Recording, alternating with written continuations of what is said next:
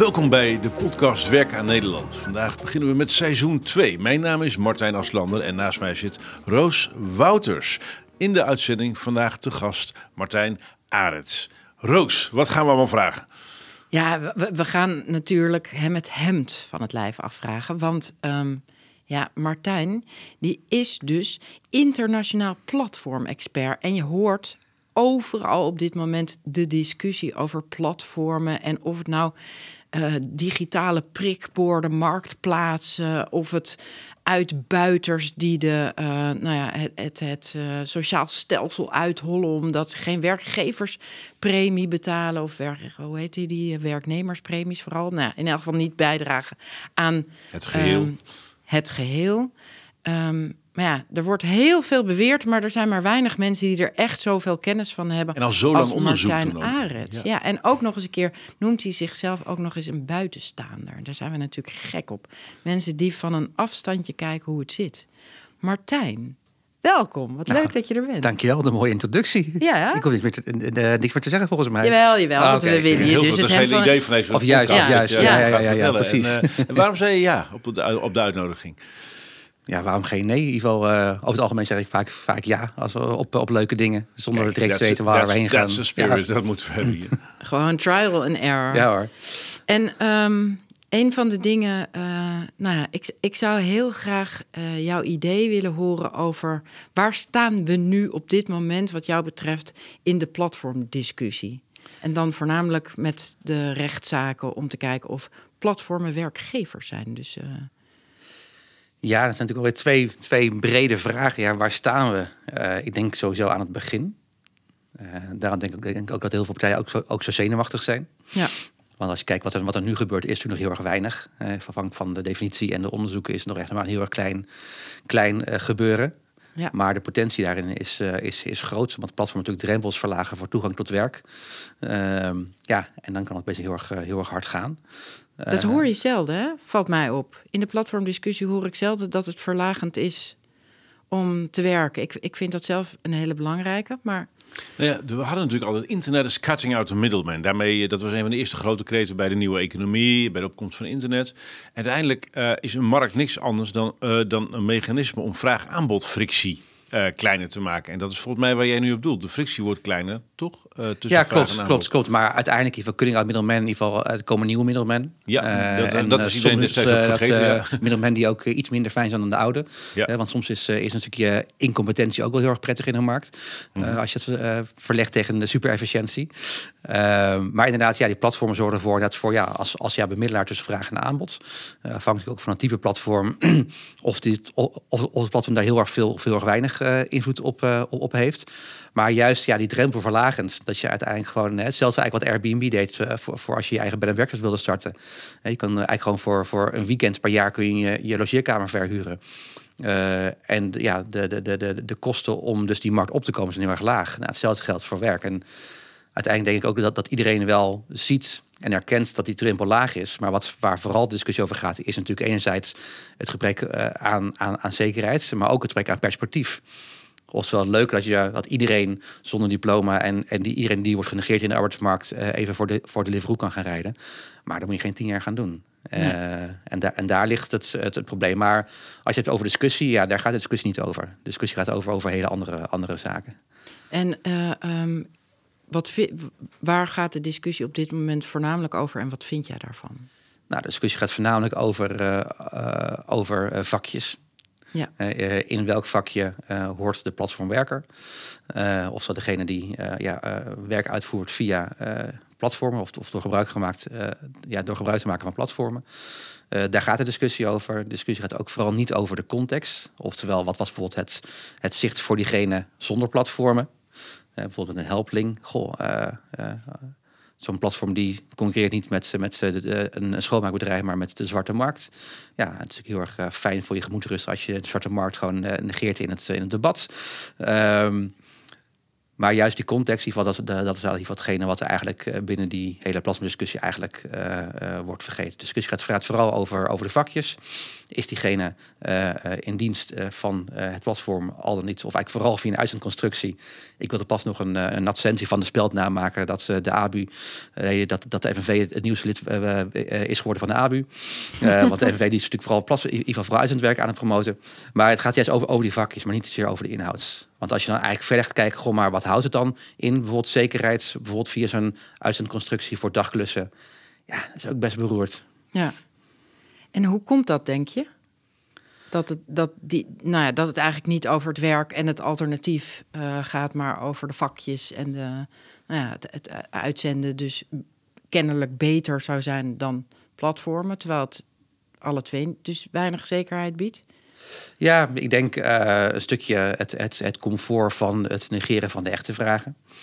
En wat zijn uh, volgens jou de echte vragen? Ja, uiteindelijk natuurlijk als je kijkt, uh, en die discussies, die heb ik ook veel met heel veel partijen in de markt, ook vakbonden. Kijk, waar het uiteindelijk over gaat, zijn natuurlijk bepaalde waarden over, over zekerheid, over continuïteit, over de balans tussen, tussen individu en collectief.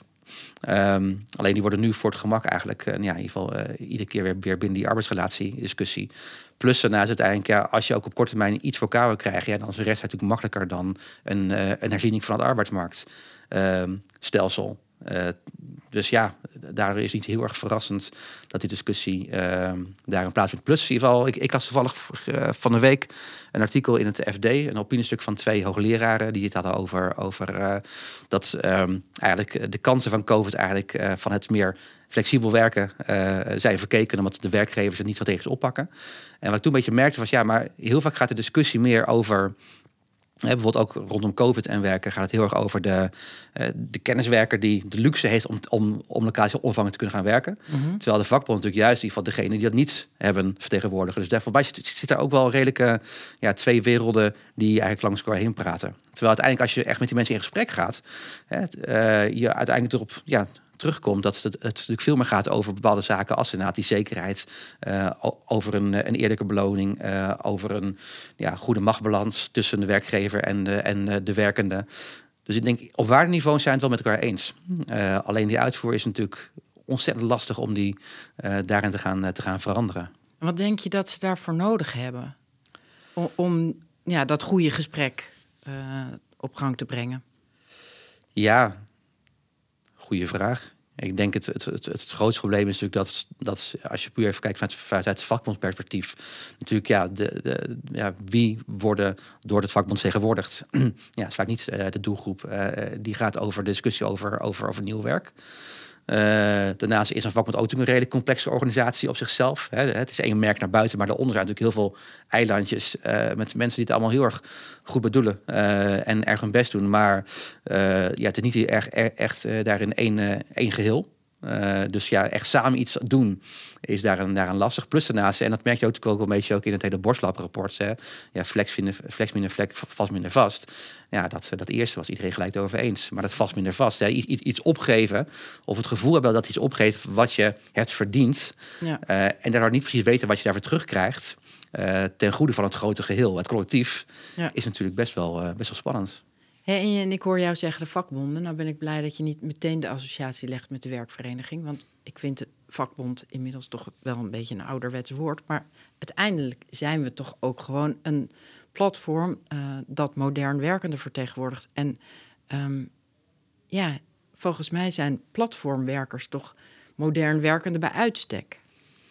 Nou, ik denk dat het wel verschilt per soort platform. Uh, kijk, het lastig ook in discussie is hè, de werkende bestaat niet, de mm. ZZP bestaat niet, maar ook niet de platformwerker bestaat niet. Dus, dus, dus, daar heb je heel veel variabelen van mensen die nou tegen autonoom zijn versus mensen die, die, die, die verder geen alternatief hebben.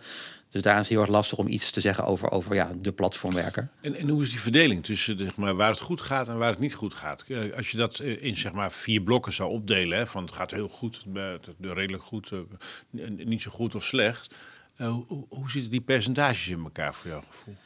Ja, daar is heel erg weinig uh, informatie over bekend. Sowieso is er heel erg weinig data uh, over, over de platformeconomie. Ja, je, je zit dichterbij dan wie dan ook. Ja. dus als, als ik jou naar een soort gevoelsgetal zou vragen...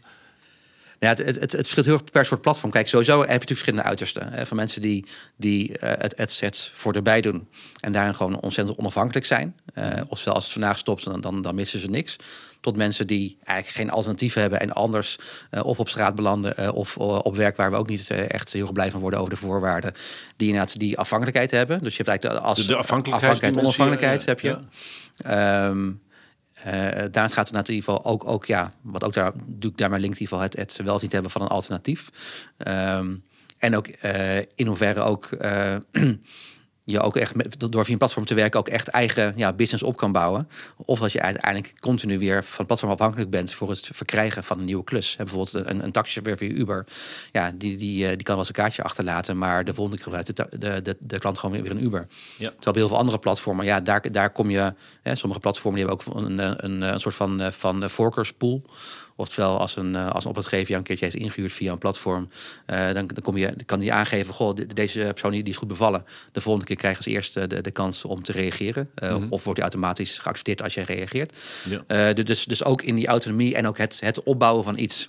Uh, dat verschilt heel erg per soort platform. En dan zie je dat natuurlijk zeker ook bijvoorbeeld uh, de meer maaltijdbezorgplatformen. Ja, daar, daar, daar zullen waarschijnlijk bovengemiddeld meer mensen zitten die er toch een bepaalde afhankelijkheid van, van hebben.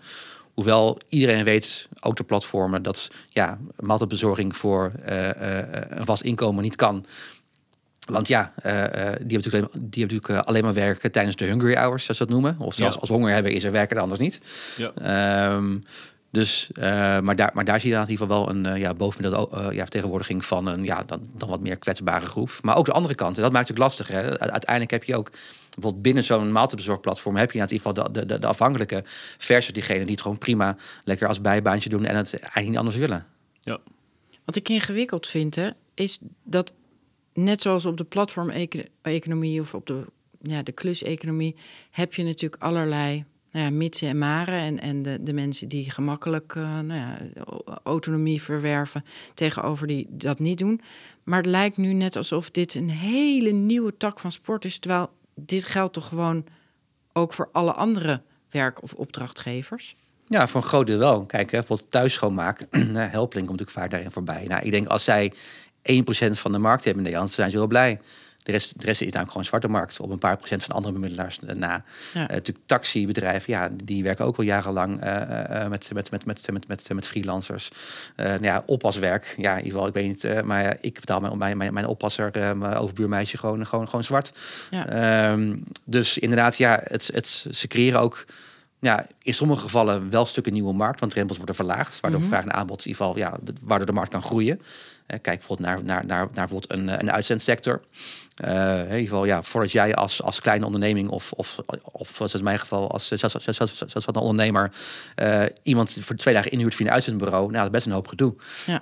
terwijl via een platform heb ik gewoon, ook binnen een uitzendconstructie, heb ik gewoon ja, iemand voor twee dagen, terwijl ik misschien vijf minuten moet, ja, moet dingen invullen voordat ik dat kan gaan inhuren. Ja. Dus, die, dus, dus ja, die markt die wordt ook echt wel, echt wel groter, uh, groter door. Maar inderdaad, ja, het is natuurlijk uiteindelijk wel. En dat is wel het beetje het probleem wat je ook wel überhaupt zag toen de platformen opkwamen. Hè. Er is geen planeet platform-economie nee. of een planeet klus-economie. Um, en het lastige is dat, dat de discussie daar wel, wel vaak zo over gaat. Hè? Alsof de rest van de markt wel uh, in ieder geval uh, een soort van, van, van Walhalla Utopia is. Ja. En lastig daarvan is, kijk, er zijn natuurlijk wel een aantal elementen die platformen, zeker platformen die echt wat ze noemen een, een on-demand transactie. Mm. Oftewel, ik wil nu een taxi of, of, of, of nu een maaltijd uh, bezorgd hebben. Daar zitten natuurlijk wel een aantal elementen in die uh, slecht voor de werkende kunnen zijn. Uh, maar dan heb je het veel meer over de impact van technologie op het aansturen van de mens. Even los van de, de arbeidsrelatie. Maar hetzelfde zie je ook gebeuren bijvoorbeeld in de magazijnen van, van een bol.com of een Amazon. En uiteindelijk, en dat is echt wel een gemiste kans uh, van de vakbonden onder andere in het debat, is door je eigenlijk zo te focussen op alleen een debat over die contractvorm. Uh, met, heel, met, met heel veel vragen daaromheen. Uh, laat je eigenlijk de meest interessante vragen la, laat je liggen. Die uiteindelijk voor een veel grotere groep uh, werkenden impact heeft. bijvoorbeeld over de, ehm, de impact van automatische besluitvorming. Waar, waarbij een algoritme jouw manager is. Precies. Dat, of je nou vast contract hebt. Of dat je als ZZP'er gewoon. Wat doet zo'n technologisch algoritme op nou, voorkeursbehandelen aan de een of aan de ander? Ja. Ja, ik, daarom, ik, ik verbaas me vaak dat er zo goed en slecht. En dat ik denk, er zijn volgens mij een hele hoop goede werkgevers, veruit de meerderheid. Zo ook goede platformen. En er zijn er een aantal tussen die nou, de randjes opzoeken. En er zijn er een aantal die daar overheen gaan waarom worden mensen zo... Want zelfs Marieke Stellinga las ik laatst van het NRC... die echt uh, zei, ja, maar zie je wel... deze mensen moeten echt in dienst. En dat ik dan... Nou, je hebt ook een aantal bubbels doorgeprikt... dat als ze dan in dienst zouden zijn... dan vallen ze onder een bepaalde CO. En net zoals onder de uitzend CO. Wat worden die mensen daadwerkelijk er beter op? Dat, dat is vaak ook nog... Nou, je af te vragen, waar, waar Waar gaat deze discussie dan over? En waarom? Ja, dat is ook een, een, een enorm gemiste kans. want, want uiteindelijk zou je de opkomst van platformen kunnen gebruiken als, als excuus of aanleiding om een goede discussie te hebben over de herinrichting van hoe we de arbeidsmarkt organiseren en hoe wij kijken tegenover zekerheid en flexibiliteit. Ehm, en die discussie komt nu, nu natuurlijk echt voor geen meter, uh, geen meter op gang. En... Is dat misschien ook het doel? Um, nou, op zich uh, het in stand houden van onzekerheid is natuurlijk uh, ook, ook natuurlijk wel een, eh, een strategie. Dus dat kan zeker, kan zeker zo zijn. Ja, daarnaast is het natuurlijk ook veel makkelijker om ja, punten te scoren op de korte termijn. terwijl iedereen ook wel, in ieder geval ook bij de vakbonden, ook bij de ministeries, iedereen snapt van jongens, de tijd van pleisterplakken is voorbij. En dat heb ik vaker op podium gestaan met, met onder andere een Gijs van Dijk of, of, of, of mensen vanuit de FNV, maar ook van MKB Nederland. Um, die zeggen ook ja, jongens, ja, de tijd van pleisterplakken is voorbij. Dus we weten allemaal, jongens, we zijn eigenlijk aan een soort van opgave van een, van een herontwerp. Ja. Uh, en we weten eigenlijk, ieder, iedere pleister die we plakken, dan valt er een, weer ergens eentje af. Kijken we naar de, de, de, de webmodule, uh, poging. ja, ja maar juist die volgende stap zetten is, is natuurlijk veel lastiger. Het is ook veel minder sexy. Het is veel, veel minder makkelijk om daar ook een bepaald succes te claimen. Ehm, en inderdaad, wat ik eerder aangaf, ja, dan moet je ook bepaalde dingen die uh, misschien niet helemaal meer bij, meer bij tijd passen, maar wel fijn zijn voor de mensen die, die je vertegenwoordigt, uh, moet je ook op gaan, op gaan geven. Ja. We hebben natuurlijk net wat, wat, wat ontwikkelingen gezien waarbij de overheid aan het ingrijpen was in de platformwereld, zeg maar. We hebben Airbnb gezien, we hebben net gezien wat het in Amsterdam gedaan heeft. Zou wel eens heel goed voor de stad kunnen zijn, maar goed, dat is waar. En uh, we hebben natuurlijk een recente uitspraak uh, bij Uber. Ik heb daar de details niet van gevolgd, maar um, um, Uber gaat in hoger beroep? Of is het al is het dan een gelopen race? Uiteraard gaan ze in hoger beroep. Ook, is, uh, ja.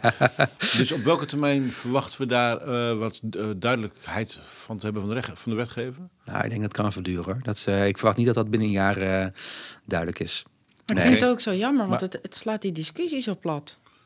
Nou ja, kijk, enerzijds, en dat maakt het dus ook lastig. Kijk, eh, op zich, hè, de, de, zeker ook echt de grote Silicon Valley platformbedrijven zijn ook natuurlijk geen heilige boontjes. Eh, kijk, eh, wat je zag gebeuren toen bijvoorbeeld een Uber Nederland kwam met Uber Pop, oftewel iedereen met auto ouder dan, in ieder geval jonger dan voor mij acht jaar of zo, mag taxivertje spelen. want ja, want thuis zitten op de bank is natuurlijk onder de capaciteit van jouw tijd. Nou ja, dat maakt zelf wel uit natuurlijk. Um, waarbij ze eigenlijk zich in het begin eigenlijk niks aantrokken van regelgeving. Maar uiteindelijk weten die platformen ook wel, uh, als een Uber, uiteindelijk komt de regelgeving. Dat is een kwestie van tijd. Dus eigenlijk heb je twee dingen die je moet doen. Ten eerste, dat is het tijdrekken. Want in tijd en onduidelijkheid kun je groeien. Uh, en, en, heb je ook vaak een voordeel ten, ten, ten, ten opzichte van concurrenten. En het tweede is, als er regels komen, zorg ervoor dat, dat, dat, je, dat, je, dat je daar zo min mogelijk last van hebt.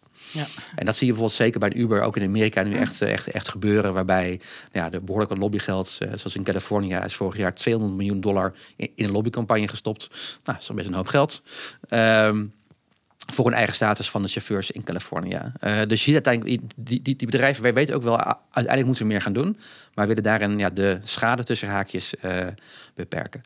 En daar zie je ook wel dat dat ook echt wel een heel erg verschil is, ook tussen de verschillende soorten platformen van in ieder geval de Ubers. Ten opzichte van, van ja, echt van alles en nog wat. En dat maakt het ook lastiger om er ook één mening over te vormen. Maar is het niet hetzelfde als eh, de Amerikaanse bedrijven. Ik, ken dan mensen die zeggen: Ja, ik werk in Nederland voor een Amerikaans bedrijf. Die hebben toch echt een hele andere mentaliteit. Uh, dan de Europese bedrijven. Uh, dat zijn toch, ja, ze zijn niet gewend aan sociale zekerheid te, mhm. daarin te moeten voorzien. En ze hebben gewoon een keiharde target halen. En uh, ja, als, als, je niet voldoet, lig je eruit.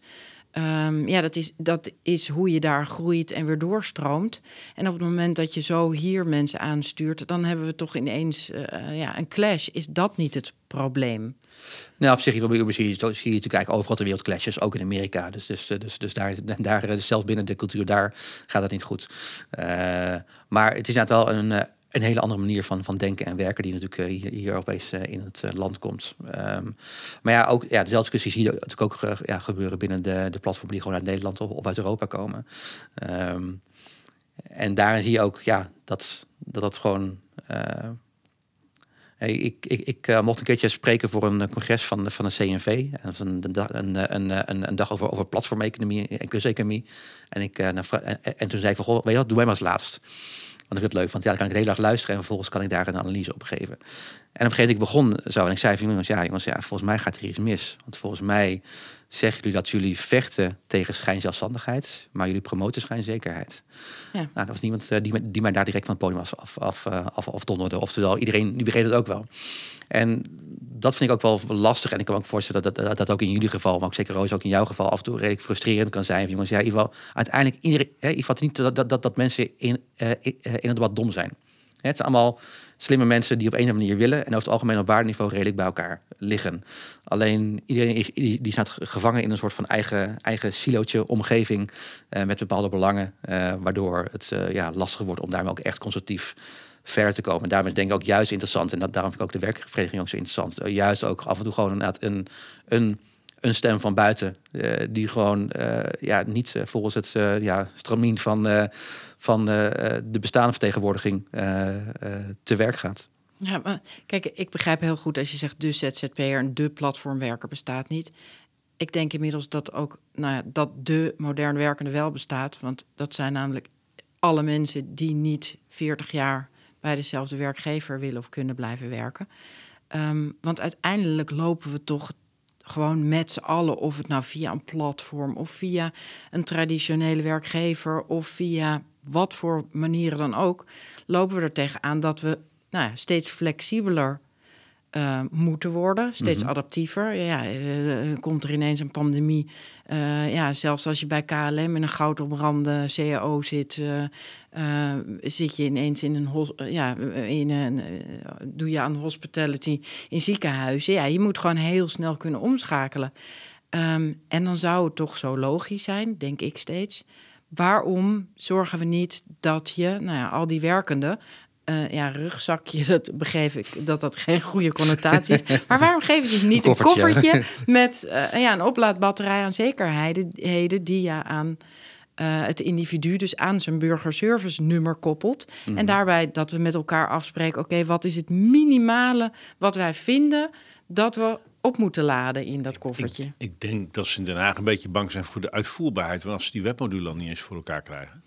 Ja, maar dat komt omdat ze de, de, de, ik bedoel, de webmodule krijgt ze prima voor elkaar. Wat het probleem is, is dat ze hebben gewoon een digitale versie van wetgeving die niet meer voldoet gemaakt. Maar als we met elkaar gaan bekijken, wat hebben mensen nodig? En dat wordt het vertrekpunt. Ja, ja om optimaal te kunnen functioneren, zo lang mogelijk, zo gezond mogelijk, zo gelukkig mogelijk, waarde bijdragen aan de arbeidsmarkt. Wat heeft een nou, gemiddeld en dan ook nog eens een keer, wat hebben al die unieke individuen daarvoor nodig? Welke uh, ruimte kunnen we, kunnen we geven waardoor ze maatwerk uh, uh, kunnen toepassen? En dan, en dan denk ik, dan, dan maakt het toch niet meer uit of je voor het ene platform, voor de ene werkgever, of je er voor vijf platformen tegelijkertijd. Ik, ik heb altijd het idee, toen ik van die klusdeel platform-economie hoorde, dat ik dacht: Oh, wat lijkt me dat fijn als je ochtends wakker wordt, dat je denkt: Wat zal ik vandaag eens worden? En dat je je computer openslaat en dat je denkt.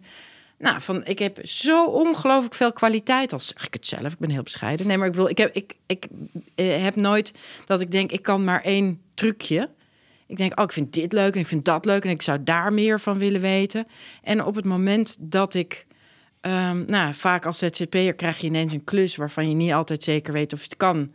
Ja, dan roep je natuurlijk, dat kan ik. En wat je doet, is je zorgt als de sodemieter dat je dat kan. En daar leer ik dan heel veel leuke nieuwe dingen bij. Dat ik denk, hoe leuk zou het zijn als dat toegankelijk zou worden voor iedereen die daar behoefte aan heeft, uiteraard.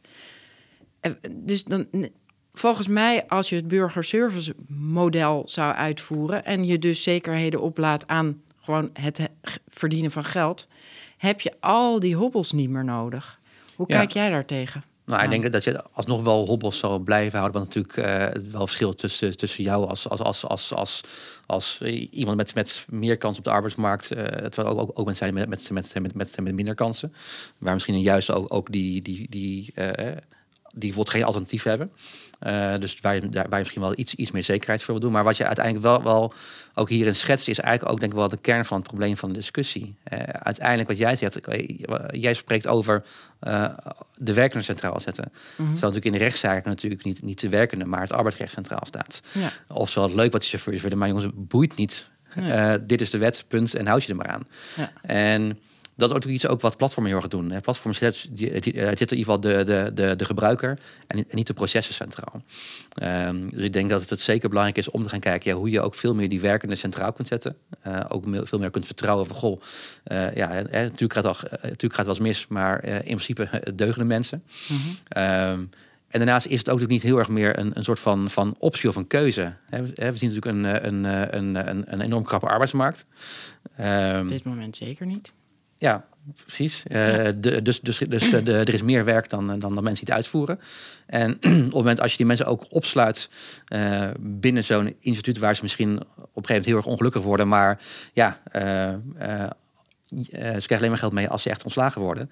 Uh, dan, ja, dan, ja, dan, dan, dan hou je daar eigenlijk ook gevangen binnen, binnen, binnen hun, binnen hun, uh, ja, binnen hun vakje. Terwijl wanneer je eigenlijk veel meer die, die werkende centraal zet erin. en of het nou is binnen een dienstverband of binnen wat dan ook. Maar eigenlijk verder ook verder geen ene bal uit. Je, je, je, je hebt ook platformen die bijvoorbeeld interne mobiliteit faciliteren. Ja, bijvoorbeeld één mooie casus is bijvoorbeeld Snyder Electric, groot bedrijf, iets van 100.000 nog wat mensen uh, in heel veel landen. Die merkten bijvoorbeeld dat uh, bijna de helft van mensen die wegging, wegging omdat ze geen perspectief zagen. Nou, wat hebben ze gedaan? Want ja, dat is ook zonde. Uh, ja. in ieder geval, dan, dan, dan, dan doe, je iets, doe je iets mis in je organisatie.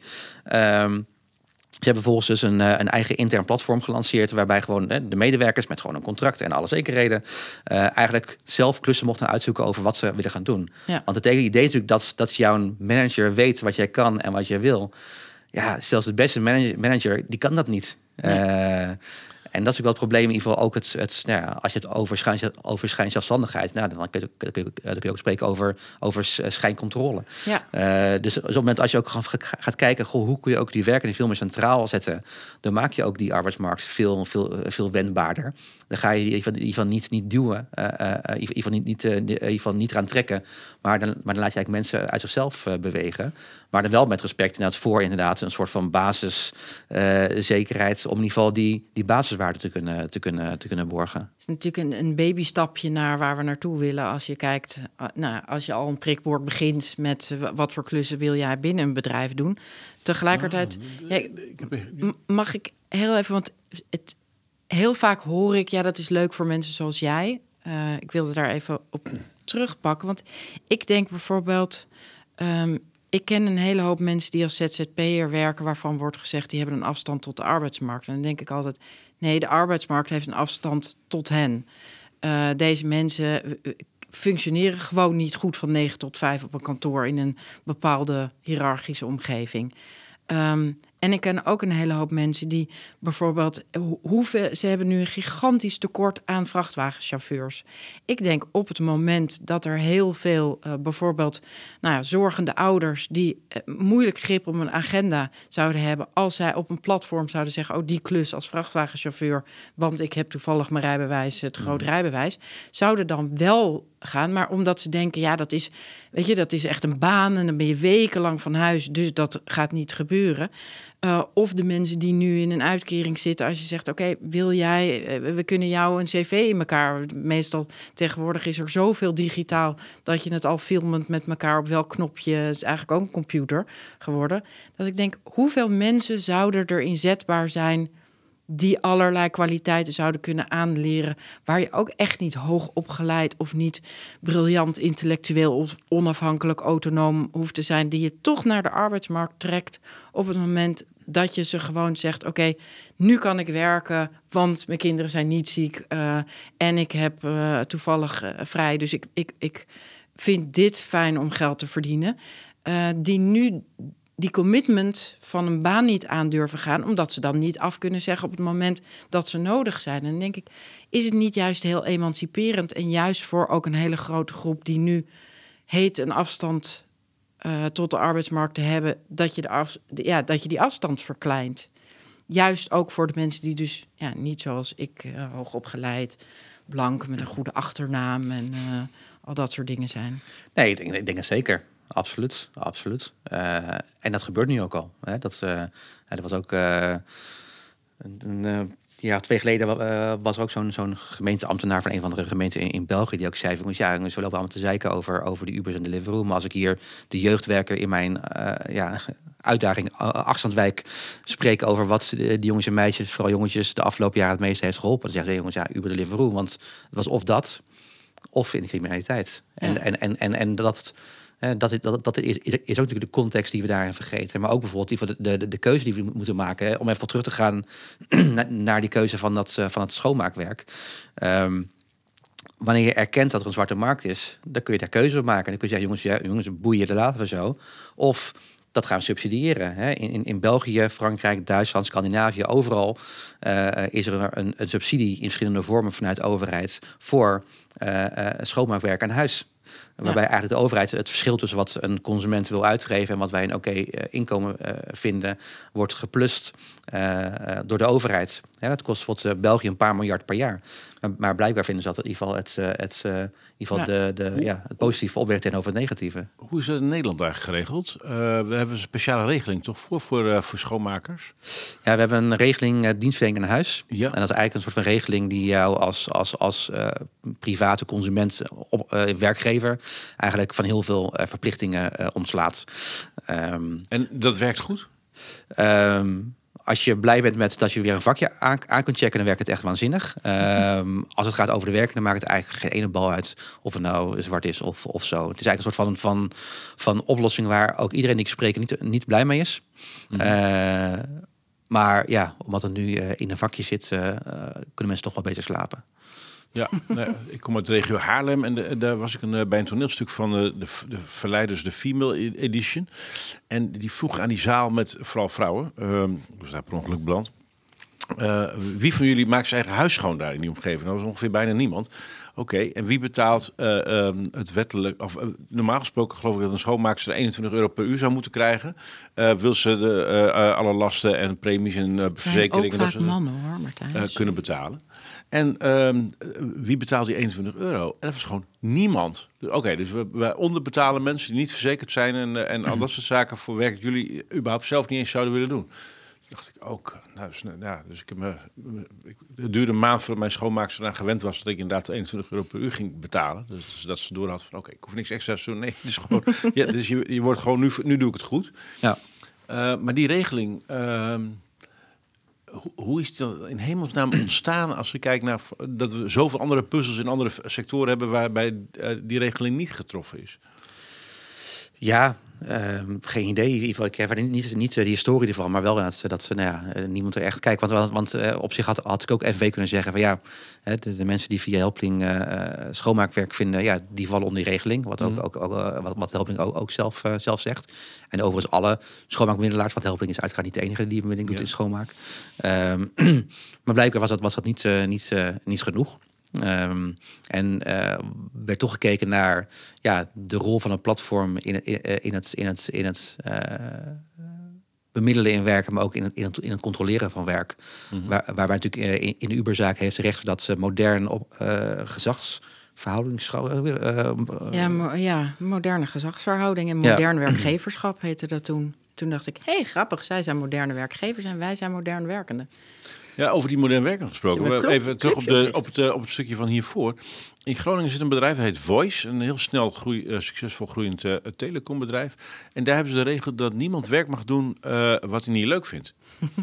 Uh, omdat ze ontdekt hadden dat als iemand werk doet wat hij met tegenzin doet, dus een, ta een takenpakket bij me heeft liggen, dat ik denk, nou, dat is gewoon niet mijn ding. En daar worden ze niet gelukkig van. Dan gaat de taak wordt niet goed uitgevoerd, of te laat, of die mensen vallen om. Dus ze hebben daar gewoon een soort afspraak met Wij halen elke keer als iemand iets niet leuk vindt, ga, halen we die bij, bij die persoon weg. Dat werk oh, gaan we op zoek naar degene die dat minder vervelend vindt. Mhm. Zodat iedereen een soort van tof heeft. En dat lijkt waanzinnig te werken. Dus uh, wou ik nog even inbrengen in dit gesprek. Ja, vind ik Ja. heel waar. Ja, maar ja, dat laat ook zien uit, uiteindelijk dat, dat, dat wanneer die werkende centraal zet. Ja. Even los van discussies over, over vakjes en wat dan ook. Ja. Ehm, dat, het over, dat, dat, dat het over het algemeen beter gaat. En dat eh, een, een contract eh, daarin eh, niet het verschil maakt. Hè, Kijk bijvoorbeeld ook naar, nu, nu, nu, nu naar de discussie rondom de flitsbezorgers, hè, de gorilla's en zo. Ja. Ja, die zijn een dienst. Maar hij is ook niet blij. Nee. Eh, Ja, wel grappig, want ik heb een paar keer bij Gorilla's besteld. En eh, ik vraag altijd aan de deur, knoop ik een gesprekje aan. En het, het beeld wat ik heb, maar het een hele kleine streekproef natuurlijk. Maar ze zijn allemaal hartstikke blij vergeleken met de andere bezorgdiensten. Dus de Gorilla-medewerkers die ik eh, spreek en actief bevraag, zeggen allemaal, hey, het is bij ons echt wel behoorlijk goed geregeld. Dus Ja. wat zijn die andere geluiden waar dan zoveel discussie over is? Nou, je ziet hier waar, waar Gorilla's is, is begonnen in Duitsland, dat daar best een hoop gedoe is over en dat heel veel uren niet uitbetaald. Waarbij Gorilla's zegt van ja, ik moet, ja, eh, ja we, groeien, eh, we groeien zo, zo snel, er gaat, wel- eh, er gaat wel, er gaat wel een keer iets mis. Ja, dat is fijn, maar niet, maar niet met, met, eh, Uitbetalen. maar niet met mijn geld. Ja. Eh, natuurlijk eh, hoge werkdruk door, Oh, door oh, Oké, maar dat, snel bezorgen, te zware. Ja, Ja, ja. Dus, maar en eigenlijk is dat, dat een redelijk slecht voorteken. Want kijk, over het algemeen zie je bij platformen waar heel veel investeerdersgeld in gaat.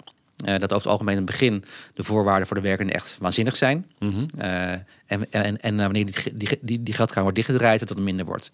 Ja, bij Gorilla zie je eigenlijk dat dat, dat, dat nu al minder is. Mhm. En Dus, dus, dat is ook weinig, eh, weinig goed voor de toekomst. Maar dat, dat, dat laat ik ook zien dat, dat- dat ook in ieder geval dat, dat illusie van goh, maar dan maar via een, een, een werkgeversconstruct. Ehm, dat het ook natuurlijk voor gemeente een garantie is voor, eh, voor, voor goede voorwaarden. Dus ehm, ja, dat dat ook in ieder geval dat, dat, dat het debat op de verkeerde manier wordt gevoerd. En uiteindelijk, geval, natuurlijk moet, je, moet er, moet er eh, streng worden gekeken en moet er ook, ook actie worden gevoerd eh, wanneer het misgaat. Hè, Kijk, uiteindelijk, en dat vind ik misschien wel het lastigste van, van dit debat, het concept vakbond vind ik onwijs belangrijk.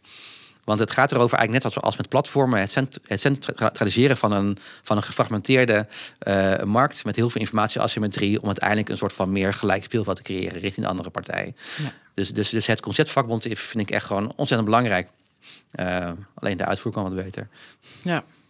Nou ja, ik heb, ik heb het idee dat de vakbond, eh, die bekend staat als de vakbond, dat die toch vooral aan zijn eigen succes ten onder is gegaan of aan het gaan is. Omdat ze, ehm, nou ja, eh, dus toen ooit, eh, omdat we met elkaar moesten werken en dat een, een arbeider niet onafhankelijk eh, kan onderhandelen naar een grote werkgever. Eh, nou, dat hebben we opgelost met een vast contract en daar zijn we steeds meer onder gaan doen. Maar dat we nu langzamerhand, nou ja, dat zij nu niet zien dat ze de hele arbeidsmarktverhoudingen op dit moment stilzetten.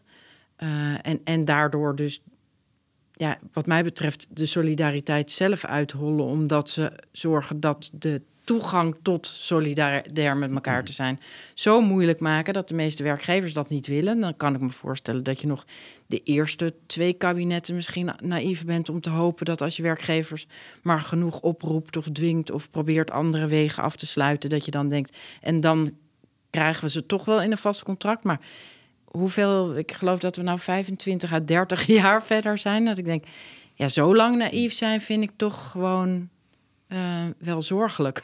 Al dan niet, eh, ja, dit is misschien zachtzinnig uitgedrukt. Weet je, wat, wat hebben we nodig om met z'n allen op deze arbeidsmarkt beter te functioneren? En als dat misschien is dat nou ja, je bepaalde verworvenheden loslaat om ze opnieuw te verdelen, waardoor we er allemaal op vooruit gaan. Want ja, ik heb het idee dat daar eigenlijk ook het, verdienmodel van de vakbond en dus de CAO. We vinden het wel goed als ze in dienst zijn of als ze via een uitzender, want dan zitten ze in een CAO. Nou, dan krijgt uh, de vakbond die die CAO heeft afgesloten het vakbondstientje uh, per hoofd van de, over degene die daaronder vallen. En ter, terwijl diegene het er niet beter op krijgt. Denk ik, ja, is dit een semantische discussie die nu tegen platforms wordt gevoerd om te zorgen dat ze ook onder de CAO's komen en dus niks verbetert aan de positie van die platformwerkers? Ja, goede vraag. Ik, ik kan natuurlijk verder niet eh, eh, zien wat de, de beweegredenen van de vakbond zijn. Maar als je kijkt over ja, wat er wordt uitgegeven ten opzichte van hoeveel ze vertegenwoordigen, is natuurlijk redelijk, uh, in ieder geval, is in ieder geval dat businessmodel redelijk, redelijk uit balans. Um, het gaat mij vooral wat levert het op? Want kijk, het maakt me niet zoveel uit. Als je geld hebt, mag je het uitgeven eraan. En als het het goede is wat je bereikt daarmee. Maar soms vraag ik me af, als ik jouw stukken lees ook, in hoeverre ze daadwerkelijk dat voor de platformwerkers doen. Of die er ook daadwerkelijk op vooruit gaan. Want ik, weet je, ik vind het heel erg slecht als er boeven zijn die mensen uitknijpen. Uh, laat me daar niet, ja, weet je, laat daar geen misverstand over zijn. Maar soms heb ik het idee dat ze platformen wegzetten als boeven die mensen uitknijpen. Om ze dan vervolgens in de armen van een uitzendconstruct waarvan ik denk: en hoeveel beter is dit dan? Dat, dat dit algemeen geaccepteerd is inmiddels, maakt het ook niet goed. Mhm. Eh, gaan ze er echt op vooruit of niet? Dus hoeveel, ongeacht wat hun verdienmodel is. Ja, nee, eens. Ik denk uiteindelijk dat, dat ehm, Ehm, dat het in heel veel discussies niet over de werkende gaat. Het gaat bijvoorbeeld wel over de markt, waar bijvoorbeeld, hè, bijvoorbeeld binnen de, de, de, de to-business ja, uitzendmarkt, freelance versus, uh, versus uitzend, in ieder geval ja, freelance uh, platformen een, eh, een, een, een, ja, fiscaal voordeel hebben ten opzichte van um, uitzendplatformen. Mm maar dan moet je natuurlijk in ieder geval terug naar de tekentafel om te kijken, jongens, ja, hoe zorgen we ervoor dat je, dat je dat in ieder geval op het freelance stuk, in ieder geval, uh, dat, dat daar meer betaald wordt uh, voor dat stukje zekerheid of meer voorwaarden worden gedaan. Maar aan de andere kant ook aan het uitzendstok misschien een keer wat minder complex maken. Uh, want want als je het hebt over complexe materie, dan is uitzendswerk best wel, best wel ingewikkeld. Ja. en wat je ook aangaf is, is ja, waarom zijn vakbonden bestaan, even ontstaan? Juist inderdaad om die kwetsbare werken te beschermen. Nou, dat kon vroeger door ze te verenigen, want ze naar, ze naar één fabriek gingen. En, maar nu kun je ze bijvoorbeeld beschermen door, door, door ervoor te zorgen dat er bijvoorbeeld transparantie is uh, in week van prijsstelling via platformen. Of transparantie in van goh, wie krijgt als eerste een klus aangeboden.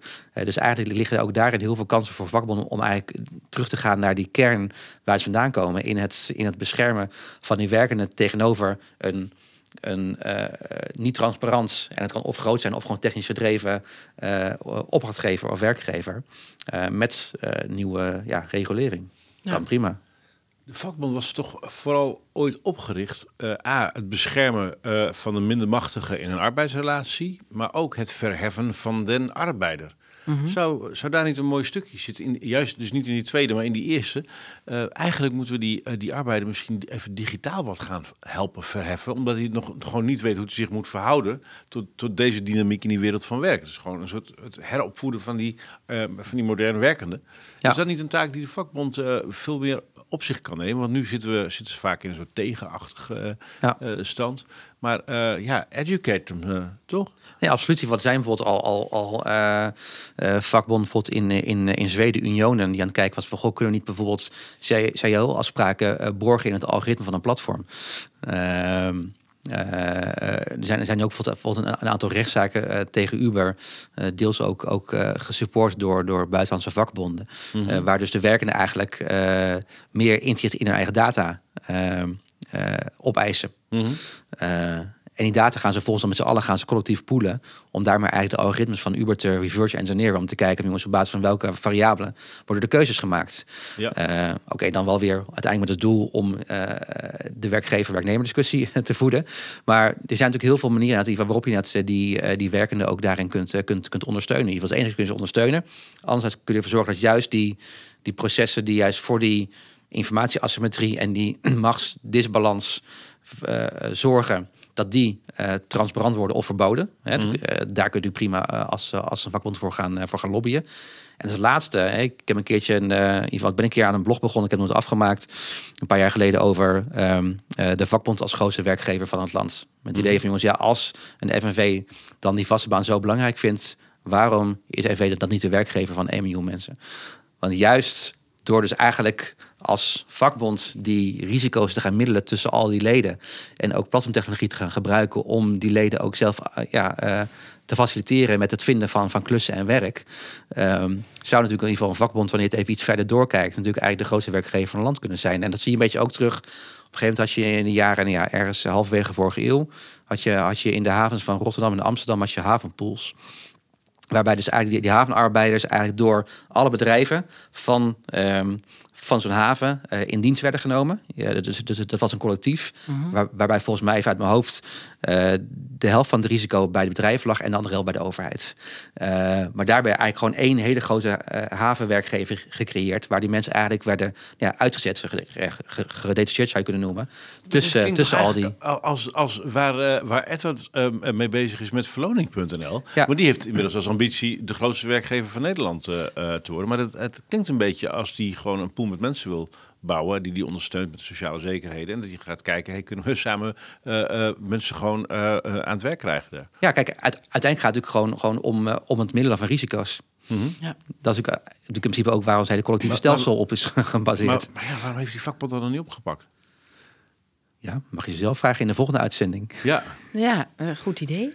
Um, ik, ik heb wel eens geprobeerd het te vragen, maar het, ze denken nog steeds dat nou ja, ZZP en platformwerk uh, uh, een nieuwe vorm van ouderwets stukloon is. En uh, omdat ze ooit zijn opgericht tegen stukloon, zijn ze nog steeds tegen stukloon. Dat we inmiddels. Daar zeg je wel iets heel moois inderdaad. Want, want de, de manier waarop we nu mensen vergoeden is gebaseerd op werken met je handen. Dat vergeet iedereen de hele tijd. Maar stukloon is ingevoerd omdat uh, ja, als mensen ziek, zwak, misselijk of gehandicapt waren, ja, dan had de een minder geld dan de ander. Op een gegeven moment dachten ze, hé, hey, dat gaat een beetje mis. We krijgen nu zoveel geld met dat werk met fabrieken dat we dat een beetje, beetje moeten middelen. En daar is dat uursalaris uitgekomen. Maar ja, de, verhouding, zeker met kenniswerk, mind you, dat zijn er 4, 5 miljoen in Nederland. De verhouding tussen de ge gewerkte uren en je productiviteit, die, die, slaat echt zo nergens op.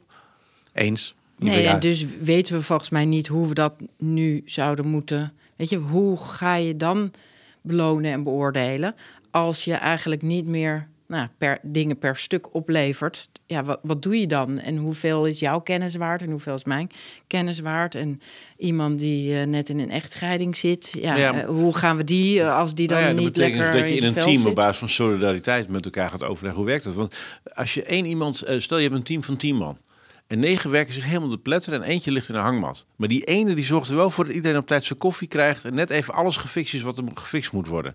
Dus die voegt optisch niet heel veel toe, maar haal hem eruit en het gaat mis. Ja. Ja, uh, dat kun je op teamniveau volgens mij beoordelen en beslissen. Dat moet je niet van bovenaf gaan doen. Ja. Ja. Ken je daar veel voorbeelden van? Van, van clubs waar, waar hun medewerkers in overleg zelf hun uh, salaris bepalen? Nee, dat niet. Maar waar ik wel heel veel naar heb gekeken zijn, zijn dan platformcoöperaties. Waarbij juist die de gebruikers eigenlijk uh, gezamenlijk eigenlijk een coöperatie vormen uh, om uh, of te investeren in technologie en een eigen platform te starten. Mm -hmm. Wat natuurlijk hartstikke lastig is, want überhaupt een platform starten is al hartstikke lastig. Laat staan met een, met een coöperatie. Mhm. Mm -hmm. Of inderdaad een concept wat een jaar of twee geleden in die, in die Deliveroo-discussie is gelanceerd van de, de werkerscoöperatie. Mm -hmm. Waarbij bijvoorbeeld alle uh, Deliveroo-couriers zich verenigen in een coöperatie. Mm -hmm. En daarmee uh, ook een, uh, een officiële afvaardiging kiezen. en daarmee ook echt een ja, ja, officieel orgaan creëren om met Deliveroo in gesprek te gaan over, over bepaalde voorwaarden. Mm -hmm. Maar ook ja, daarmee ook een bepaalde machtspositie krijgen. Omdat ze ja, natuurlijk ja, een collectief zijn. en daarbij ook een ja, afhankelijkheidspositie van in, van in dit geval Deliveroo ten opzichte van de coöperatie wordt, uh, wordt, wordt gesteld. Mm -hmm. um, en hoe is dat afgelopen? Dat uh, was een heel erg mooie academische paper, maar uiteindelijk is dat ver, verder nooit, uh, nooit echt opgepakt. opgepakt. Ik weet dat, dat ze daar wel naar hebben gekeken, maar uiteindelijk ja, is het niet. Kijk, en dat is natuurlijk wat lastig ook in de discussie. Kijk, uiteindelijk gaat het in ieder geval ook, ook over macht en tegenmacht. En uh, ook uh, platformen die hebben natuurlijk een bepaalde baat bij uh, het in stand houden van informatieasymmetrie en het isoleren van de gebruikers. Want ja, kijk, uiteindelijk is platformmacht natuurlijk macht bij gratie van de gebruikers. Ja. En als die gaan, als die gaan verenigen, ja, dan, dan, dan, dan heb je een probleem. Kijk, heel simpel, Facebook zonder gebruikers is niks waard. Ja. Uh, dus ja, ik denk dat we ook moeten gaan kijken. En daar ligt ik ook bij vakbonden een hele interessante uh, opgave. Om te gaan kijken hoe je juist ook uh, digitaal mensen kunt, kunt gaan verenigen. Hè. Toen bijvoorbeeld die, die, nou ja, die, PO in actie, 55.000 leraren via een Facebookgroep. Die gingen even met elkaar in staking via een groep. Ja. Uh, en, uh, en ja, dan kun je vooraf vragen: hey, waar heb je dan nog een vakbond voor nodig? Als mensen blijkbaar geen vakbond nodig hebben om zichzelf te kunnen organiseren. Wat precies de hele scope is van wat er in die netwerk- en informatiesamenleving in de hand ligt. Ja, klopt. Misschien moeten een vakbond uiteindelijk wel. Een soort van, van, van, van breed kenniscentrum worden. die eigenlijk mensen faciliteert om, om, om, om gelegenheidsformaties te vormen wanneer er gedoe is. Ehm, dat eigenlijk. Ja, ik heb ooit een, een, quote geformuleerd. Ik weet niet of ik hem ooit op deze show heb, heb genoemd. Maar je zou kunnen zeggen dat een, een, een, een vakbond eigenlijk een overpriced rechtsbijstandsverzekering is. die haar juridische kennis achter een betaalmuur gooit in een open source tijdperk. Want wat een vakbond in feite doet, is zorgen dat de juridische kennis over arbeidstoestanden, dat je daar je betaalt voor dat soort kennis. Ja. Maar ja, hallo, we leven in een open source samenleving, in een soort een netwerk- en informatiesamenleving. Dus dat, dat stuk kan je al lang public domein maken. Dus ja, dan kun je gaan richten. Kun je dat, maar dat is wel de business, het businessmodel van vakbonden natuurlijk. Nee, klopt. En dat was natuurlijk nog meer. Hè. In ieder geval, eh, vroeger, dat eh, heb ik dan toevallig ergens pas gelezen, dat, dat, dat ook eh, de CAO, eh CAO's ook alleen maar voor leden toegankelijk waren. Oftewel, je moest lid zijn, wil, wilde je weten wat er in CAO stond. Eh, dus dat is ook natuurlijk ook, ook, ook een bepaalde ja, log-in. En ik denk uiteindelijk, en dat is eh, denk zowel op platformen als op vakbonden van toepassing, uiteindelijk een, een log-in op basis van informatieasymmetrie is, is natuurlijk eigenlijk een zwaktebod. Eh, eh, hè, wat een voorbeeld ook is, ehm, je hebt een aantal platformen die bijvoorbeeld, eh, waar je als als, je als, als je erachter komt dat je als werkende buiten het platform om met de opdrachtgever eh, gaat werken, dat ze dan zeggen, ja, ja, dan krijg je een boete. Ja, ten eerste, jongens, ja, kom maar voor de rechter, dan ga je har- hartstikke hard verliezen. En ten tweede, jongens, als de enige reden dat iemand bij je blijft is uit angst voor een boete, dan doe je in de, in de kern van je dienstverlening echt gewoon iets verkeerd, ja. volledig mis. Ja. En ik denk uiteindelijk, dat is ook natuurlijk wel, in ieder geval, eh, enerzijds he- hebben platformen, ook vakbonden soms eh, de luxe om eh, ja, te kunnen bestaan. zonder misschien al te veel te letten op degene die ze echt vertegenwoordigen, maar wel vanwege de luxe en de luiheid vanwege het, het businessmodel.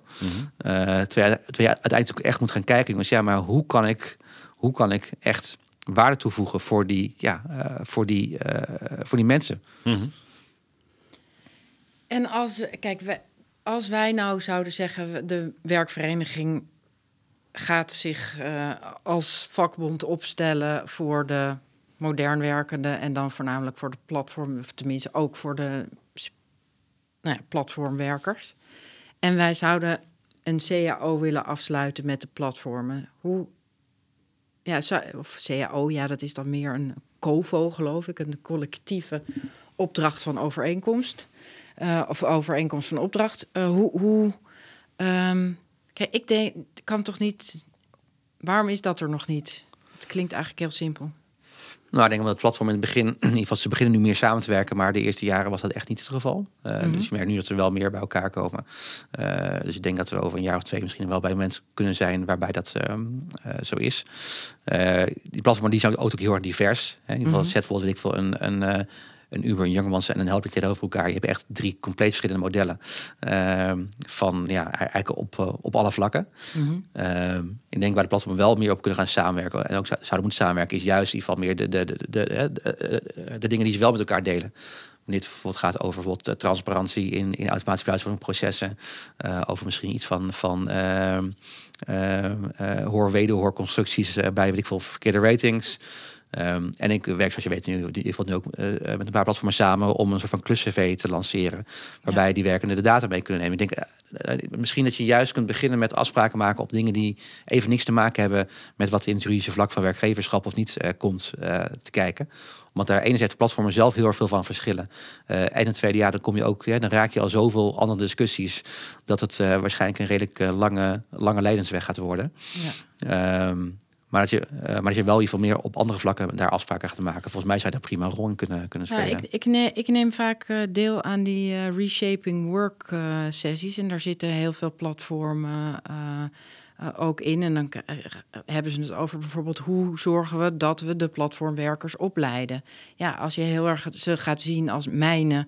En als ik investeer in die platformwerker en hij gaat ook voor de concurrent, dan heb ik dus de concurrent opgeleid.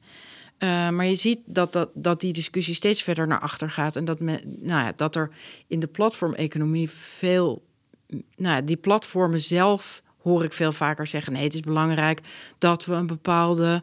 Uh, nou ja, ontwikkeling die mensen meegeven. Want uiteindelijk straalt dat op ons af. Uiteindelijk hebben we er zelf wat aan als die werkers op, voor verschillende platformen werken. En ze zijn allemaal goed ges geschoold. Uh, en inderdaad, zo, ja, hoe kunnen we dan zorgen dat die nou ja, opleidingen, die skills, dat paspoort, hoe, dat we dat van elkaar kunnen uitlezen. Want mm -hmm. nu is iedereen zijn eigen dingen aan het uitvinden.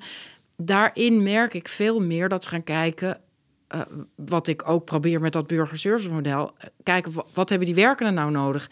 En hoe je ook werkt, uiteindelijk is het belangrijk dat je je ontwikkelt. Dat je dus bepaalde vaardigheden uh, die de markt op dat moment vraagt, dat je die. Nou ja, dat je zorgt dat je die aanleert. Mhm. En dat je daar budget of tijd of geld uh, en het liefst alle drie voor hebt.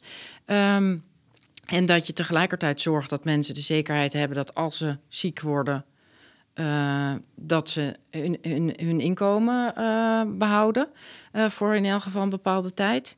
En dat je zegt, oké, als jij nou ja, oud wordt, heb je nog wel wat, nou ja, val je niet meteen om. Denk ik dat zijn de, de drie basiswaarden die volgens mij alles en iedereen op deze arbeidsmarkt nodig heeft. Dus kunnen we dat als vertrekpunt, want ik hoorde je net zo'n CAO-afspraken borgen in algoritme van platforms. Dan denk ik, kunnen we dat er niet in knipselen?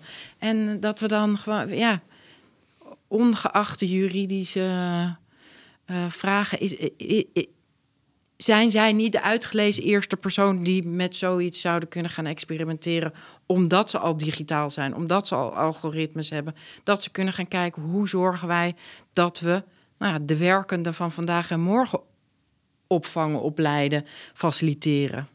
Ja, ja, ik kan daar lang op antwoorden, maar ja. Nee, zeg, kijk, eh, wat je ook aangeeft is... En die platformen zijn natuurlijk heel erg ja, digital first minded. Uh, dus ze denken in alles van hoe, ja, hoe kun je het ook digitaal vormgeven. Dat moeten ze ook wel, want ja, over het algemeen uh, bemiddelen ze in, uh, in klussen van een dag. Of zoals daar een, een, mens tussen zit, dan, dan, dan, dan is gelijk je winst van positief naar negatief. dus, en daarnaast ook dat, dat, dat de platformgedachte überhaupt ook is over het centraal zetten van, de gebruiker.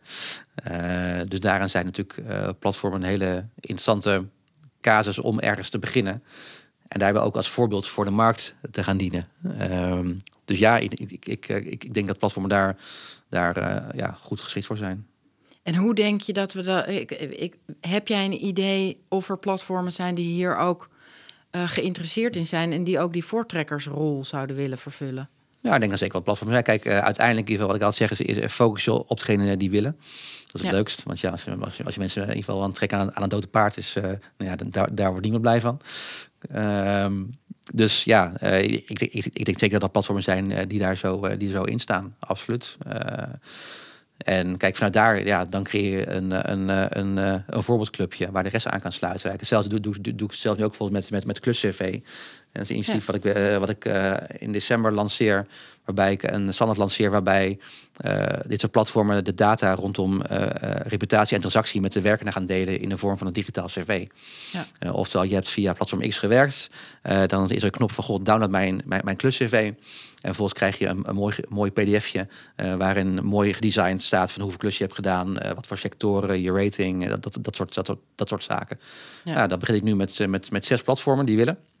En vervolgens, nu het ja, verder aan het voorbereiden en aan het uitbouwen is, komen ook, ook andere platformen die ook zeggen: Goh, mag ik ook? Ja, prima, mag jij in de volgende lichting. Dus ik heb alweer een stuk of zes platformen uh, die ook graag uh, in de tweede lichting mee willen gaan. Dus ik denk uiteindelijk gewoon klein beginnen. Want dan, een, klein is echt gewoon vier tot zes platformen, echt niet meer.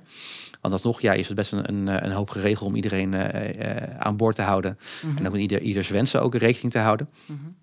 En vanuit iets neerzet van de partijen die het willen. Uh, en daarmee eigenlijk ook de andere, uh, ja, iets neerzetten waar eigenlijk anderen niet meer omheen kunnen. Ja. Uh, dus, dus degene die, die, die, die wat minder enthousiast zijn, la, la, la, laat die even aan de kant. Hou ze wel in de loop en laat ze later aansluiten. Ja. en vervolgens is, is bijvoorbeeld ook in mijn geval, met KlusCV, ook wel mijn ambitie, jongens, uitzendwereld. Jullie hebben ook heel veel data van die werken. En de uitzendwereld is, van mijn ervaring, best wel gebrand op eigenaarschap van data en kandidaat. Um, ga ik ook natuurlijk zeggen, jongens, maar ja, ja met de platform hebben we nu dit gemaakt. Ja. Jullie hebben ook echt ontzettend veel mooie data van die werkenden. Wanneer ging ik iets bedenken om die werkenden echt te empoweren en die werkenden data mee te geven? Um, en daarmee kun je de platformen heel erg ja, goed gebruiken als, uh, als eerste ja, testcase ja. om dit soort eh, concepten te gaan, uh, te gaan uh, ja, een podium te geven. Zie je het ergens anders in de wereld echt heel goed gaan? Of worstelen we mondiaal met dit? Van, jij, jij doet natuurlijk internationaal, internationaal heel veel ook. Uh, waar gaat dit goed? Ja, ik denk in ieder geval eh, dat het per, per land weer zijn eigen uitdagingen kent. Uh, maar over het algemeen wat je wel ziet is gebeuren. Kijk, wij zitten natuurlijk hier in, in de luxe, of ja, soms ook, ook, ook de ballast van een behoorlijk zwaar geïnstitutionaliseerde uh, samenleving. Mm -hmm. Oftewel, we hebben allemaal geval goede achtergrondchecks, VOG's, ID-checks. Administratief hebben we hier heel goed geregeld. Ja. Terwijl in heel veel andere landen heb je dat niet. dus daar is dan de toegevoegde waarde van, van een rating, rating systeem van een Uber opeens de wereld van verschil. Ja, ja. Want voorheen had je geen idee welke, welke gek je achter het stuur had. En nu weet je in ieder geval iets. Uh, en daar zie, je, daar zie je ook wel, hè, bijvoorbeeld in heel veel landen in Afrika, is meer dan de helft van het werk is, is gewoon uh, niet gedocumenteerd. Ja. Uh, dus, dus juist in dus landen. Alles wat je daar doet is acuut winst, zeg maar. Uh, ja, precies. Ja. precies. En, en, en, en natuurlijk in kun je afvragen: goh, is het dan handig dat, dat een bedrijf die basisinfrastructuur gaat verzorgen? Maar ja, nu gebeurt het niet. Hè? Ja. En bijvoorbeeld zelf bijvoorbeeld pas een gesprek gehad met iemand van de overheid van, van Maleisië. Mm -hmm. Die ook zei: van, ja, op een gegeven moment kwam COVID, dus ja, de markt stortte in, heel veel mensen werkeloos. Nou, je hebt ook heel veel platformen waar, waar, waar mensen online werk kunnen gaan doen. Die zijn toen vanuit het ministerie zijn, zijn die mensen dus ja, uh, 21st century skills gaan aan aanleren en geholpen om op een platform te gaan om daar dus uh, werk te gaan vinden. Ja. Uh, en die hebben echt ook afspraken met, met platformen gemaakt dat die mensen allemaal kortingfoutjes kregen, dat niet gelijk het aan dingen hoeven te betalen en zo. Oftewel echt mensen geholpen eigenlijk om dus digitaal werk te kunnen gaan doen in een tijd dat de economie op zijn gat lag. Ja. Uh, dus er gebeurt natuurlijk echt on, ja, ontzettend veel mooie dingen erin. Er gebeuren ook genoeg minder mooie dingen. Ja. Maar uiteindelijk is het natuurlijk, en dat is ook uiteindelijk natuurlijk ook de, de, de taak, ook zeker ook van een overheid, met alles wat er gebeurt, ervoor zorgen dat je dus de, de positieve kanten versterkt. Uh, en de negatieve kanten uh, de kop indrukt. Zoveel ja. mogelijk. Zonder, zonder de ambitie te hebben dat je aan, aan beide kanten uh, echt volledig goed je werk kunt doen natuurlijk. Nou, dat vind ik zo, zo jammer vaak met die platformdiscussie. Dat, dat nou ja, met de hele arbeidsmarktdiscussie, dat er zo vaak wordt gekeken in goed en slecht, zonder te kijken. Dat ik denk, ja, soms is er iets nieuws en dan, ja, dan komen er ook meteen boeven ertussen die denken: hey, dit is nog niet heel goed gereguleerd. Of soms zoeken mensen het randje op op het moment dat ze denken: hey, hier valt echt groot geld te verdienen. Uh, ja, dan stijgt het mensen ook wel eens naar een kop. Maar dat is met alle werkvormen volgens mij zo. Uh, ja, daar heb je de goede en de slechte tussen. En als het nog niet uh, nou ja, oud is, dan is het nog niet overgereguleerd. Maar in plaats van dat dan te bestrijden, ja, ik, ik moet altijd denken aan bijvoorbeeld een, een uh, medebroodfondslid uh, van mij. Ik zit dus in een broodfonds. Dat is een soort van uh, nou verzekering voor de eerste twee jaar ziekte. Met een clubje van 50. En een van de mensen die riep: Nee, maar we moeten niet een verplichte AOV. Want volgens mijn werkgever ben ik dus arbeidsongeschikt verklaard. Um, want ik heb een auto-immuunziekte en daar kan ik maar bepaalde tijden op bepaalde momenten rechtop zitten. En af en toe moet ik mijn werk liggend of achterstevoren doen. In elk geval, zij nu dat ik ZZP'er ben, kan ik weer gewoon mijn hele eigen inkomen en dus een broodfonds betalen. Um, mocht ik echt ziek worden. Terwijl ik in de reguliere arbeidsmarkt eigenlijk defect ben verklaard. Dus ik vind dit een bevrijding Waardoor ik gewoon weer voor mezelf kan zorgen. En dan denk ik altijd, er zijn zoveel mooie oplossingen die je niet hoort. En ook, nou ja, wat jij net vertelt over de jongeren, van ja, wat is het alternatief voor deze jongeren? Ja, is die platformeconomie, uh, of in elk geval die klus, die klussen die ze kunnen doen, is, is prachtig. Kunnen we dat niet vergroten? En dan inderdaad gaan kijken hoe kunnen we de negatieve dingen eruit filteren. Maar op de een of andere manier lijkt daar dan helemaal geen ruimte voor. Maar ook niet bij de politiek. Nee, dat klopt. herken je dat? Ik bedoel, is dat een, uh, hoe heet dat? Ben ik weer een drama aan het ma maken? Of uh, herken je dat ook? Nee, ja, dat is zeker wat, wat er, wat er in het debat ontbreekt. Hoewel er eh, vanuit Brussel best wel wat interessante dingen gebeuren rondom die wetgeving, rondom het uh, digitale uh, domein van platformen. Mm -hmm. in ieder geval, daar, daar, daar zijn een aantal regels en die komen ook een paar, een paar, nieuwe aan. Die juist in ieder geval wel bijvoorbeeld die, die, die intransparantie van die platformprocessen gaat, gaat aanpakken. Of, ja. of, of, of, in ieder geval verbieden. En natuurlijk, ja. natuurlijk handhaving is natuurlijk weer een volgende uitdaging. dus dus de, de, de gebeuren. De, de gebeuren wel dingen. Ja. Uh, maar inderdaad, er wordt net uh, ja, heel erg veel vanuit, vanuit uh, een, een, een ja, krampachtige houding gekeken, zonder ook de andere kant te bekijken. En dat is wel ik denk wel heel belangrijk om te gaan kijken, ja, hoe kunnen we ook die kant meer gaan belichten. Want het is niet zozeer dat de, de, degene met die houding niet die goede kant te zien. Dat is absoluut niet het geval. Dat, in, ieder geval, dat merk ik uh, in ieder geval in mijn één op één gesprekken. alleen institutioneel wordt het gewoon nog, nog, niet verkocht of gedragen of gedoogd. maar ik denk, ja, hoe meer je ook van dat soort dingen ook gewoon meer, meer naar buiten laat, laat, laat gaan. En ik denk, daar, daar, daar bijvoorbeeld ook de platformen wel gewoon een bepaalde rol bijvoorbeeld een van de problemen van wetenschappelijke onderzoekers in platformeconomie is ja, ze hebben geen toegang tot data. Um, ja, dus ja. de data is niet, uh, wordt niet genoeg gedeeld nog. Nee, en, en, en, en daar ligt denk ik ook echt wel een, een, een, een, een rol bijvoorbeeld van de overheid om, om daar ook te gaan bemiddelen. Kijk, want, want als ik met platformen spreek, en ik heb natuurlijk, ja, natuurlijk, ja, in ieder geval, ik, ik ken heel veel mensen en heb daar een bepaalde, een bepaalde reputatie in, maar over het algemeen krijg ik overal wat data los voor onderzoeken. Ja. Uh, in sommige, sommige omgevingen word ik al de datahustler genoemd uh, voor sommige onderzoeken. ja, prima, als dat mijn rol is, dan is het mijn rol. Ja. Maar um, daar zie ik veel meer een soort van ja, gat in, in, in, in communicaties tussen wetenschappers en platformen dan echt de, de niet bereidwillig zijn. Ja.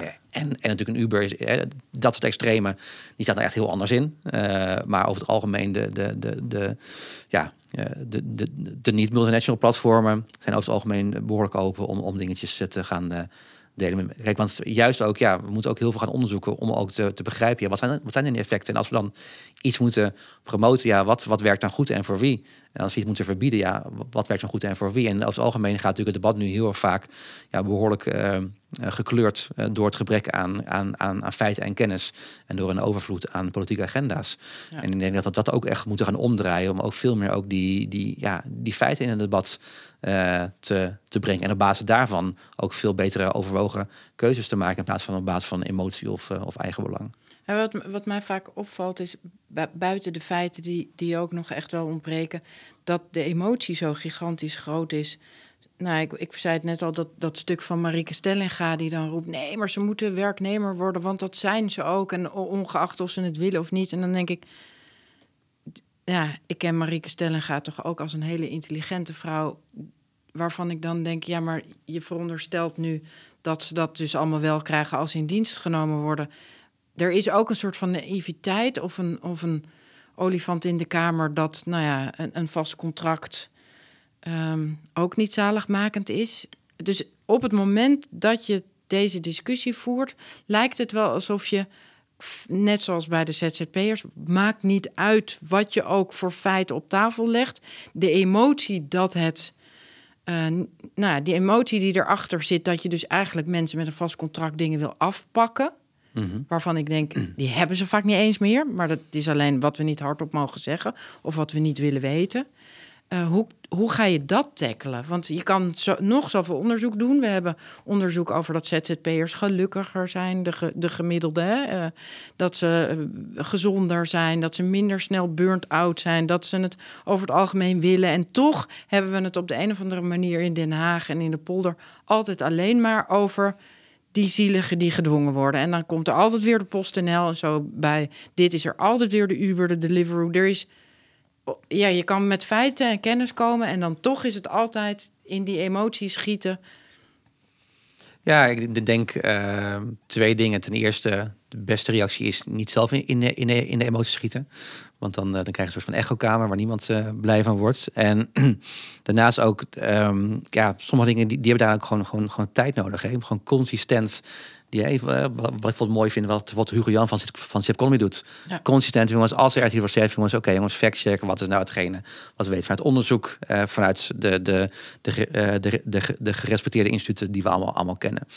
Um, en wat ik wel merk is, is, is, en dat merk ik ook vanuit mijn werk in de platformeconomie, waar, waar ik nu al dan van tien jaar mee bezig ben, um, dat juist die consistentie uiteindelijk wel zaadjes plant. En, en, en natuurlijk zouden we willen dat, dat, dat, dat we een soort van zaadje hebben die met, met één druppeltje water in één keer gewoon ontploft tot een, tot een re, uh, regenwoud. um, maar dat gebeurt niet. Uh, dus ik denk daarin ook, um, uh, ja, helaas maar waar.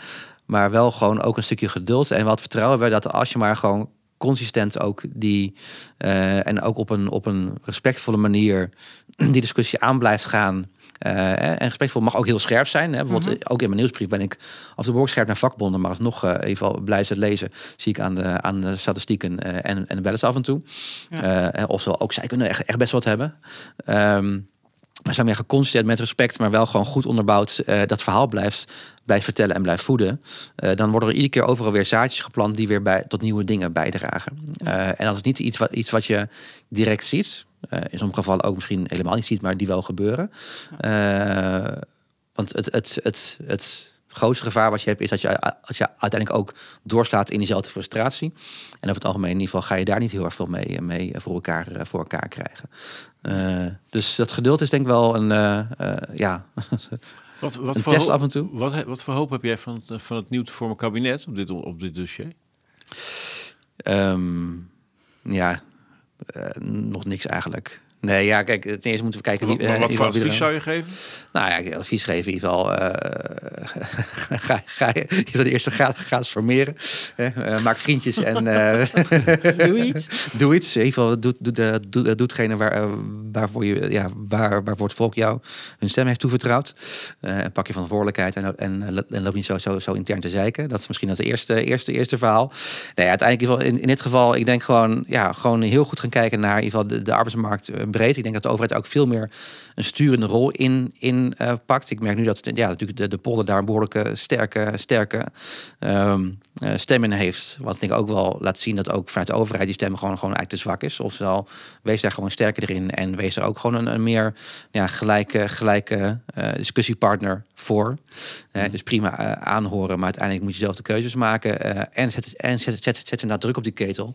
Want uiteindelijk, ehm, we kunnen in ieder geval nog 30 jaar hierover gaan, gaan, gaan, gaan, gaan, gaan, gaan, gaan praten. Maar uiteindelijk, eh, ten eerste, ja, daar maak niet meer blij mee. En ten tweede, ja, die luxe hebben we helemaal niet. Want inderdaad, wat je ook aangaf, Martijn, ook, van, ja, uiteindelijk zijn ze ook bang omdat eh, dit soort dingen ook eh, de uitvoer veel complexer maken. Maar uiteindelijk, als je gewoon puur even eh van een platformgedachte aan de overheid kijkt. de markt wordt steeds gefragmenteerder. Je krijgt steeds meer variabelen en steeds meer kleine partijen. Waardoor uiteindelijk ook de hele, de hele uitvoer en de, de, de, de, de, de, de kosten van de transactie van de overheid uiteindelijk ook onbetaalbaar gaat worden. Eh oftewel, alleen al vanuit zo'n ja, een platform, platform, platformperspectief heeft een overheid ook niet de luxe om iets te gaan doen. Want, want eh, anders op een gegeven moment gewoon de hele samenleving gewoon in ieder geval en ons, en ons stelsel onbetaalbaar wordt. Ja. Eh, dus, dus het idee van dat, dat het een, een optie is om er iets van te, te vinden, zou ik wel gelijk van tafel willen vegen. Ja, er is echt gewoon een, een noodzaak en verantwoordelijkheid. Dus het zou heel fijn zijn wanneer die ook daarin, daarin wordt gepakt. Ja, mooi. Volgens mij zijn we al een tijdje onderweg met deze podcast. En wij zouden volgens mij de vier uur kunnen kletsen, maar dat is niet helemaal leuk voor onze luisteraars, denk ik. Nee, ik denk dat die dan hele warme oren krijgen. Ehm, ja, ik, ik wil eigenlijk wel ehm, aanhaken. We moeten eigenlijk gewoon een FNV'er uitnodigen. Vragen. Ja, die hebben we nog niet gehad, eh, die Nee, smaak. de- Nee, dus nee, die even kijken of we een vakbondsmens kunnen krijgen Ja, want hier. vorige keer hadden we namelijk wat is de volgende vraag aan, maar wij, ja. Er is Wie- niemand wie- meer. Ja, de- ja, we hebben wel nog wat mensen, maar eh, Ja. niet hele bekende. En zeker niet van het FNV. Dus toen dacht ik, hmm, Even kijken of we daar iemand kunnen vinden. Heb jij eh, tips wie we daar absoluut moeten, moeten benaderen voor deze podcast over dit onderwerp? Ja, ik ken genoeg mensen, maar ik vraag me af, af, af of, ze, of ze mogen. Oké. Dus eh, nee. Ik, Mogen? Van wie? Dan moet, oh, dan is er iemand daar de baas. Ja. Moeten we die dus hebben. Ja, ja, precies. wie is de baas? Ja, eh, was er maar iemand de. Misschien dat, dat, dat, dat wat, eh, Interessant. zo, eh, nee, ja, ik, ik, ik- ja, ik, ik kan me voorstellen, in ieder geval, kijk, uiteindelijk in ieder geval eh, moeten ook te veel met gesprek gaan. Dus ik eh, kan me niet voorstellen dat, dat, dat ze dat, ja, ik denk dat hier een mooie, een mooie plek en gelegenheid voor ze is. Eh, van FNV of een keer CNV, want die hoort ook niet, niet in het debat. Bijvoorbeeld zo'n Anneke Westerlaken van CNV, die, die roept altijd hele, hele goede dingen over dit onderwerp. Ja, volgens mij is het een hele interessante om hier aan tafel te krijgen. Oké, top. Nou, dan gaan we even induiken. Lieve luisteraars, eh, we zijn volgens mij aan het eind gekomen van deze eh, eerste opname van seizoen 2 van de podcast Werk aan Nederland. De gast was Martijn Arets, die ons weer wat wijzer heeft gemaakt en weer een hoop nieuwe vraagtekens heeft veroorzaakt bij ons, maar waarschijnlijk ook bij jullie, over het fenomeen eh, platformeconomie, platformwerk. Dank voor het luisteren. Dank ook aan Seeds to Meet Utrecht voor de gastvrijheid. Vandaar hebben we het vandaag opgenomen. Dank op de techniek Jasper van Oorschot. En deze podcast is mogelijk gemaakt door verloning.nl. Dat is nieuw, dat hadden we seizoen 1 eh, nog niet. Maar we hebben heel veel luisteraars. En ja, dan kunnen we de kosten een beetje dekken. Dat is hartstikke fijn.